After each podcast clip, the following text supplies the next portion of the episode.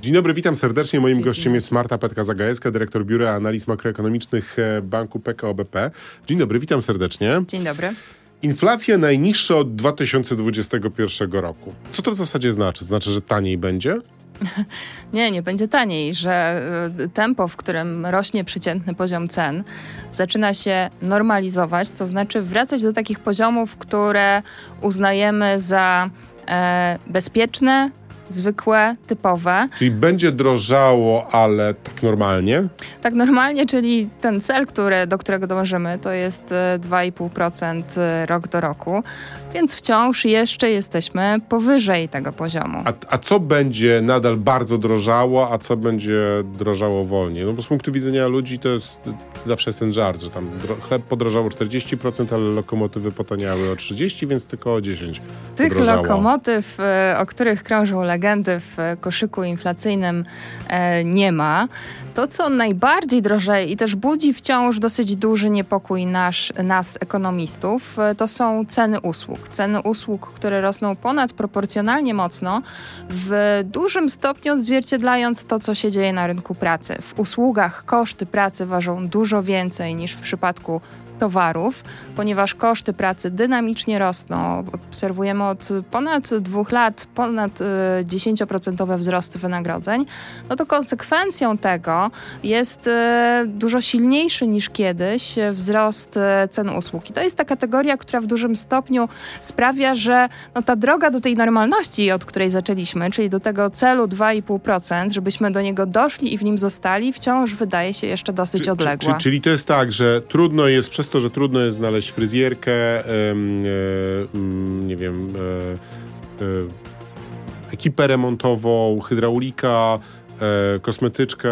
kelnera czy kucharza do restauracji, to, to płaci się tym ludziom, którym się jest w stanie zatrudnić coraz więcej i to powoduje, że oni mając więcej w portfelu wydają więcej to dmucha inflację, czy my po prostu musimy wydawać coraz więcej, jeżeli chcemy się ostrzyc, wykończyć mieszkanie, naprawić rurę czy zjeść na mieście?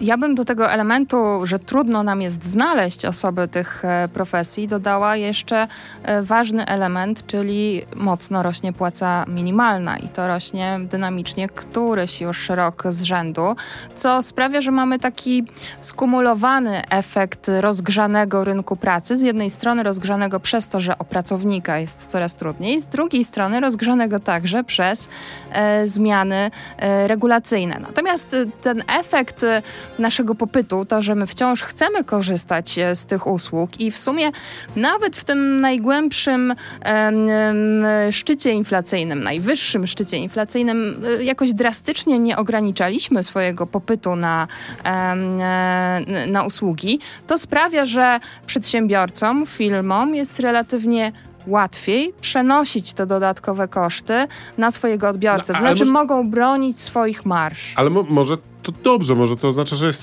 normalnie, to znaczy, że ludzie zarabiają lepiej i będą zarabiali lepiej i te wszystkie osoby, których zawody wymieniłem i paręnaście jeszcze innych zawodów, po prostu mogą mieć poczucie, że jak, jak, jak, jak coś się nie podoba szefowi, to ja zmienię pracę i znajdę pracę gdziekolwiek będę chciał. Tak będzie nadal?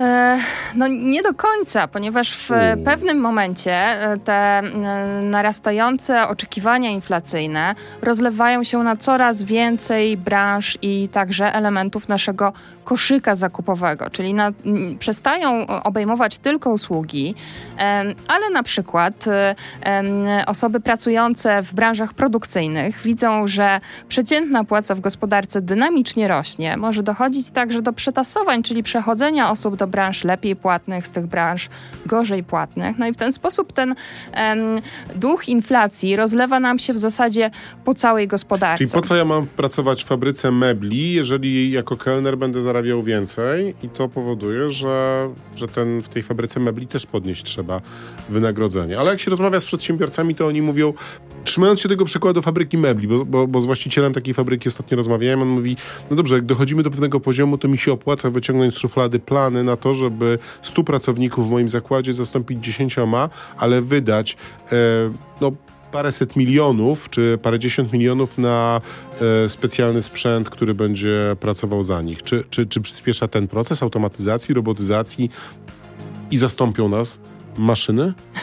Nie we wszystkim, ale tak naprawdę jednym z lekarstw, które może sprawić, że będziemy w stanie połączyć silny wzrost płac z wciąż stabilną inflacją, jest wzrost wydajności pracy, czyli to, żeby jeden pracownik E, w danej firmie odpowiadał za dużo większą część e, sprzedaży, produkcji czy też dostarczania usług. Kluczem do wzrostu tej wydajności jest dokładnie inwestowanie, automatyzowanie, upraszczanie procesów, wykorzystywanie maszyn, dostarczanie pracownikom lepszych e, narzędzi, sprawianie, że oni mają szansę być bardziej produktywni. Na to liczymy. To trochę zaczęło się dziać, bo warto wspomnieć o tym, że w 2023 2023 roku przy stagnacji gospodarczej, czyli zerowy, prawie zerowy wzrost gospodarczy, inwestycje rosły o 8%. Czyli to były inwestycje w to wszystko, co sprawiało, że można było ograniczać na przykład koszty ludzkie albo zastępowe? Koszty ludzkie i koszty energetyczne. Dwa elementy, które były przede wszystkim wskazywane przez firmę jako taka... Czyli sprawniejsze na przykład zarządzanie energią w budynku, energochłonność. Tak, albo... E, albo tworzenie alternatywnych źródeł energii, czyli zabezpieczanie swojego takiego okay, bezpieczeństwa ja stawiam sobie parę wiatraków koło tak, zakładu i tak, wtedy... albo farmę fotowoltaiczną. Ale, ale, trochę tą efektywnością pani mnie pcha do takiego tematu, który jest bardzo gorący, e, e, czyli krótszego tygodnia pracy, czterodniowy tydzień pracy. Według Pani my to zobaczymy za naszego zawodowego życia jako normę? Zaczynamy to widzieć. Także w Polsce pojawiły się już pierwsze firmy, które pilotażowo wprowadzają takie rozwiązania albo na wszystkie piątki, albo na co któryś e, piątek e, w tygodniu. No, myślę, że to może być kierunek, w którym idziemy. No bo jeżeli. Będzie piątunia, tylko będzie czwartunio. Jeżeli e, mówimy o nowej rewolucji przemysłowej, którą stała się sztuczna inteligencja, która może w bardzo wielu miejscach e, zastąpić człowieka albo znacząco ułatwić mu pracę i właśnie sprawić, że on będzie dużo bardziej wydajny, no to trochę pojawi się pytanie, czy do końca będziemy potrzebować w ogóle w gospodarkach aż tylu pracowników? Kiedy byłem dzieckiem, to kończono wprowadzać wszystkie wolne soboty, no bo przecież był jeszcze do, do no, początku lat 80. sześciodniowy tydzień pracy. No i dostosowaliśmy się do tego. Wydaje się nam to na dziś być czymś zupełnie Naturalne. naturalnym i normalnym i być może nasze dzieci będą tak dokładnie patrzyły na piątki. Ale firmy będą w stanie dostatecznie dużo produkować, a to się gospodarce będzie opłacało? Ten, ten, ten wolny piątek i ten czwartunio wieczorny będą sprawiały, że napędzimy gospodarkę naszymi wydatkami konsumenckimi? No jeżeli będziemy w stanie tak znacząco podnieść wydajność pracy, to może się to opłacać. Oczywiście musimy mieć świadomość tego, że to nie jest tak, że wszystkie branże będą mogły się zamykać na trzy dni w tygodniu, prawda? Tutaj e, pewnie znowu będą co, negocjacje. Ja, ja, całe życie pracuję w niedzielę, więc, więc, więc co mogę powiedzieć. E, Marta Petka-Zagajewska e, jest e, gościem popołudniowej rozmowy w RMF FM. Zostajemy w radiu internetowym RMF24, słuchaczom RMF FM. Dziękujemy bardzo serdecznie. To, odkładając teraz te wątki takie, takie ludzkie, e, trzymając kciuki za to, żeby te czwar- piątki były wolne, tylko o jedną rzecz się dopytam, mówimy o tym samym wynagrodzeniu oczywiście. No, myślę, że pracownicy mogliby nie być tak bardzo chętni do tych wolnych piątków, e, gdyby miało się to odbić na ich kieszeniach. No to teraz trochę o, o szerszym obrazie gospodarki, bo y, mówiliśmy o cenach, ale myśmy mieli w tym tygodniu też dane o PKB, o produkcie krajowym brutto, o wzroście gospodarczym. I one z jednej strony są słabe, z drugiej strony są dobre. I, I, chciałem się spytać, jaka jest prawda i jaka jest prawda też o perspektywach, dlatego że my patrzymy na polską gospodarkę, ale nasz najważniejszy partner handlowy, Niemcy, mają bardzo poważne, strukturalne kłopoty. Znowu się mówi, że to jest chory człowiek Europy, że oni są dociśnięci wysokimi cenami energii, niespecjalnie udaną transformacją energetyczną i, i brakiem odpowiednich inwestycji w infrastrukturę, w rozwój. Jaka jest prawda o tym, gdzie my jako gospodarka jesteśmy? Prawda często w ekonomii leży gdzieś po środku. To znaczy, możemy powiedzieć tak: z jednej strony dane za czwarty kwartał, które pokazały wzrost e, PKB o 1% rok do roku, są dobre, bo to jest więcej niż było w trzecim kwartale, a przez pierwszą połowę roku przypomnijmy, że w ogóle PKB spadał w ujęciu rok do roku. No więc weszliśmy na taką ścieżkę wzrostową, jeśli chodzi o koniunkturę. Ta koniunktura sukcesywnie, tak, sukcesywnie się poprawia, ale z drugiej strony oczekiwania były wyżej. My zakładaliśmy, że w czwartym kwartale polska gospodarka będzie rosła o nieco ponad 2%, więc tak naprawdę udało się zrealizować, można powiedzieć, tylko połowę e, tych, e, e, tych oczekiwań. Natomiast myślę, że wciąż, pomimo tego rozczarowania w czwartym kwartale, to dominuje dosyć duży optymizm co do wyników gospodarki w 2024 a, a dzięki, roku. Dzięki czemu ta gospodarka rośnie? Właśnie dzięki wydatkom temu, że my robimy zakupy, czy, czy dzięki temu, że inwestujemy znowu, bo to był problem olbrzymi polskiej gospodarki, czy, czy może dzięki pieniądzom unijnym? Co, co nas napędza? Przede wszystkim e, ten sukces leży w rękach konsumentów. To konsumenci zaczynają zwiększać swoje zakupy. I nie mówię tutaj o tym, ile ostatecznie jest na paragonie, tylko o tym, że realnie, ilościowo kupujemy e, znowu więcej. I to konsumpcja prywatna w 2024 roku będzie tym głównym e, źródłem ożywienia gospodarczego. My zakładamy, że wzrost gospodarczy sięgnie 3,7% i z tego ponad 2 punkty procentowe, czyli można powiedzieć dwie trzecie tego ożywienia gospodarczego, będzie wynikiem mocniejszej ale, konsumpcji ale jak prywatnej. Długo, jak długo to może trwać, biorąc pod uwagę, że z drugiej strony my jesteśmy gospodarką eksportową, eksportujemy maszyny, urządzenia, e, i usługi w coraz większym stopniu do Niemiec, do, do bogatych gospodarek e, całego świata. Te usługi, szczególnie podkreślam, to jest bardzo ważne, wszystkie centra usług wspólnych, wszystkie call center, wszystkie biura e, badawcze i, i rozwojowe, to też jest ważny zatrudniający w polskiej gospodarce, ale jak długo my możemy sobie pozwolić na to, żeby konsumenci wydawali więcej, skoro nasi partnerzy, e, partnerzy naszych pracodawców nie zarabiają dostatecznie dobrze, skoro Niemcy mają kłopoty, skoro Francja ma spowolnienie stagnację lekką, skoro Europa jest w takim dryfie? Ja bym tutaj y, chciała Państwa uspokoić. E, dlaczego? Dlatego, że patrząc na eksport usług, my tutaj cały czas obserwujemy wzrosty. Tym, e, tym elementem, gdzie rzeczywiście obserwujemy coraz słabsze wyniki spadki w ujęciu rok do roku, jest eksport towarów. Natomiast czymś, co broni polską gospodarkę, jest e, to, że i teraz będzie takie brzydkie, techniczne sformułowanie, mamy wysoką importochłonność eksportu. Co to znaczy, żeby coś wyeksportować? Najpierw my bardzo dużo importujemy części komponentów, składamy to razem, coś dorzucamy od siebie i dopiero eksportujemy. Czyli w ślad za niższym eksportem automatycznie idzie niższy import. I to sprawia, że ten efekt ostateczny wpływu naszej wymiany z zagranicą na polską gospodarkę jest dużo mniejszy niż mógłby y, sygnalizować sam eksport. Natomiast co do tej niemieckiej gospodarki, ja myślę, że ten okres najgłębszego spowolnienia ona też już ma za sobą. Tym mechanizmem, który sprawi, że pomimo bolączek związanych z drogą energią i brakiem dostosowania gospodarki niemieckiego przemysłu do drogiej energii, pomimo słabości Chin, bardzo ważnego rynku zbytu dla niemieckiej gospodarki, pomimo ograniczania deficytu budżetowego, czyli tego, że polityka fiskalna staje się taka restrykcyjna, hamująca ożywienie gospodarcze w Niemczech, zadziała jeden kluczowy mechanizm, który działa także w Polsce. Tam też mocno spada inflacja, tam też jest napięty rynek pracy i dochody gospodarstw domowych zaczęły rosnąć.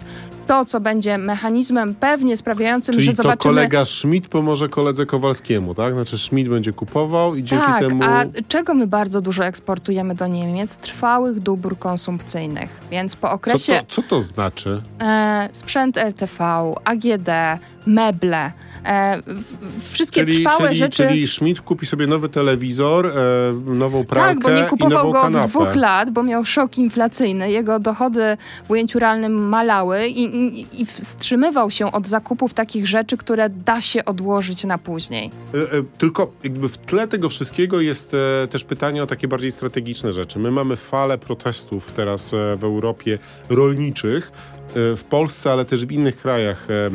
One są na różne sposoby powiązane tak naprawdę z pytaniem o to, jak wygląda polityka transformacyjna e, e, Europy. Transformacja i energetyczna, i też transformacja rolnictwa.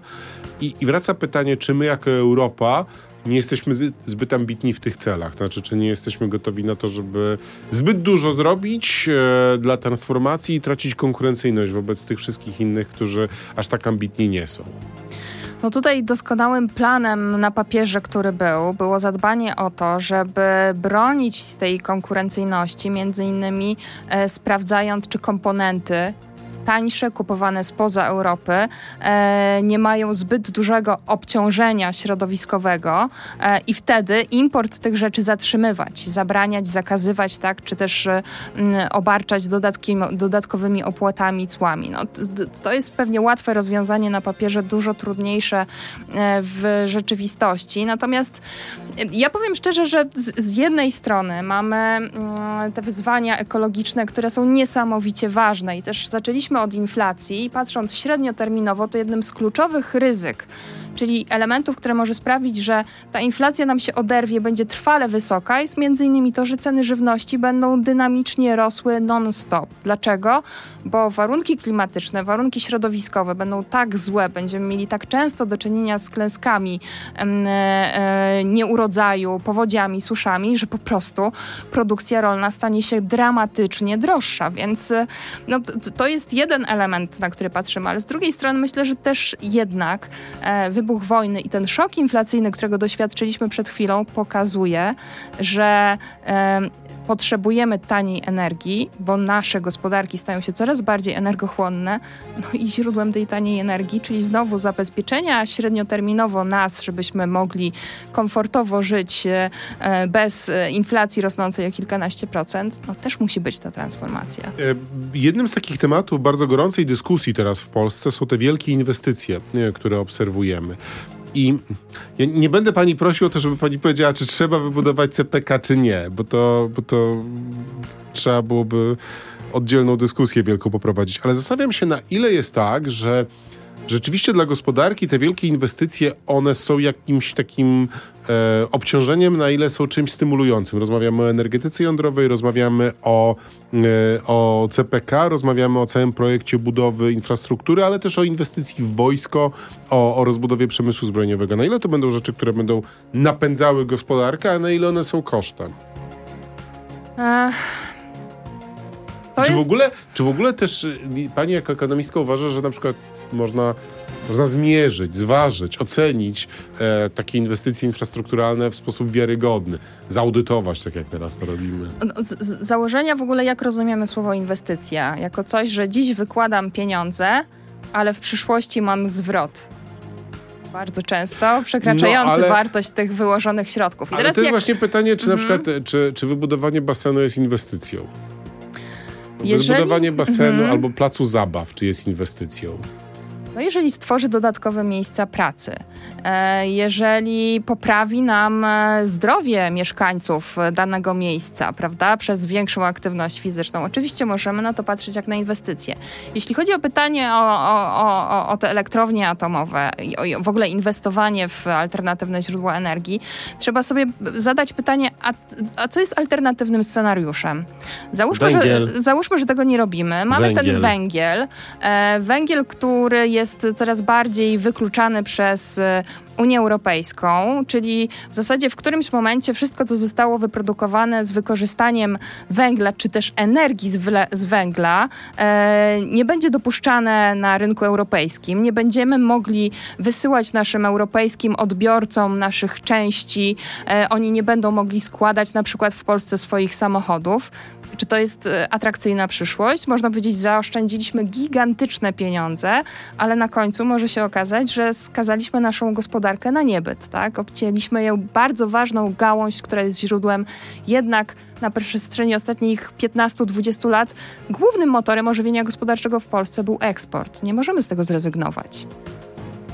E, tylko, że ci, którzy się sprzeciwiają, czy raczej kwestionują to tempo zielonej transformacji, mówią, no dobrze, to wy tutaj będziecie sobie właśnie robili to na zielono, a my w tym czasie z o wiele tańszej energii z Chin czy, czy, czy, czy, czy z dalekiej Azji przywieziemy towary zdecydowanie tańsze. Są takie rozważania dotyczące przemysłu motoryzacyjnego, bo chińskie firmy wyprzedziły na przykład Tesla, jeżeli chodzi o produkcję aut elektrycznych, a sama pani powiedziała, że z tym zablokowaniem wjazdu tych, którzy są niezieloni, jakoś nam nie wychodzi jako Unii Europejskiej. Nie wychodzi, ale myślę, że jest to trend, który postępuje. Zresztą bardzo często mówi się teraz, że świat globalizacji um, został zastąpiony przez taki fra e, świat fragmentaryzacji, czyli świat podzielił się na kilka bloków, w ramach których wymiana, wzajemna wymiana handlowa będzie coraz bardziej intensywna, zwiększana, ale pomiędzy tymi blokami te powiązania gospodarcze będą słabłe. I takim blokiem, przykładem takich bloków myślę, że jest świat, świa e, świata zachodniego, Europa, Stany Zjednoczone, Kanada, a chociażby Chiny, tak? od których Unia Europejska także coraz odważniej się odcina i je blokuje. No to teraz wróćmy jeszcze do cen i do ceny, która jest dla wielu e, ludzi bardzo ważna, czyli ceny mieszkań. Ceny mieszkań zarówno jeżeli chodzi o najem, jak i ceny mieszkań, jeżeli chodzi o kupno mieszkań. Pojawiają się dyskusje na temat kolejnych e, projektów stymulacyjnych. E, na, na, ile jest tak, że my, że my musimy się liczyć z tym, że koszty życia związane y, właśnie z dostępem do mieszkania ciągle będą rosły. Dla Polaków, dla wielu polskich rodzin to są, to są koszty no, no, gigantyczne, czy kupienie mieszkania, czy wynajęcie mieszkania, które też bardzo mocno uniemożliwiają start w samodzielne życie, posiadanie dzieci albo posiadanie większej ilości dzieci, skoro kolejny pokój jest, jest bardzo drogi. Jak, jakie są perspektywy na to, żeby tutaj było trochę lżej Polakom? No jeżeli mamy przed sobą perspektywę poprawy sytuacji finansowej gospodarstw domowych, to będzie odzwierciedlenie tych rosnących dwucyfrowo wynagrodzeń, niższej inflacji. Mamy przed sobą no, mocno dyskutowaną, ale jednak perspektywę średnioterminowo obniżek stóp procentowych, a co najważniejsze gospodarstwa Czyli kredyt domowe hipoteczny będzie też będzie tańszy, tańszy. Tak, będzie tańszy, ale także zdolność kredytowa przeciętnego gospodarstwa domowego dzięki niższym stopom procentowym Większa. wzrośnie.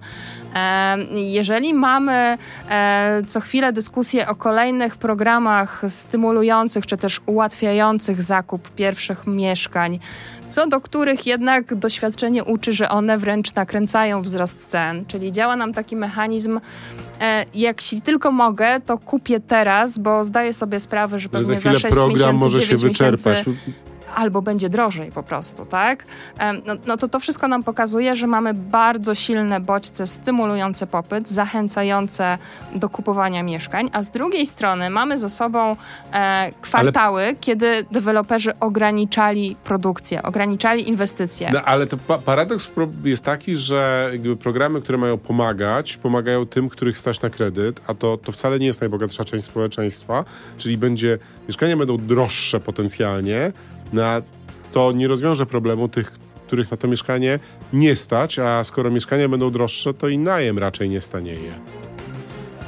No to jest y, wyzwanie, które się y, powtarza i utrzymuje w y, Polsce od lat. To znaczy, te udane programy były zazwyczaj programami stymulującymi popyt, a no, nie za bardzo mamy historię udanych programów, które nagle by sprawiały, że dostępność mieszkań czy też ich podaż e, znacząco wzrośnie. No więc e, jest to wyzwanie, z którym na dziś jeszcze sobie nie poradziliśmy. Dyrektor Biura Analiz Makroekonomicznych PKBP Marta Petka-Zagajewska z niezbyt optymistyczną e, prognozą, jeżeli chodzi o ceny mieszkań. Dla tych, którzy e, oczywiście nie są, nie wiem, inwestorami na rynku mieszkań. Bardzo serdecznie dziękuję. Dziękuję bardzo.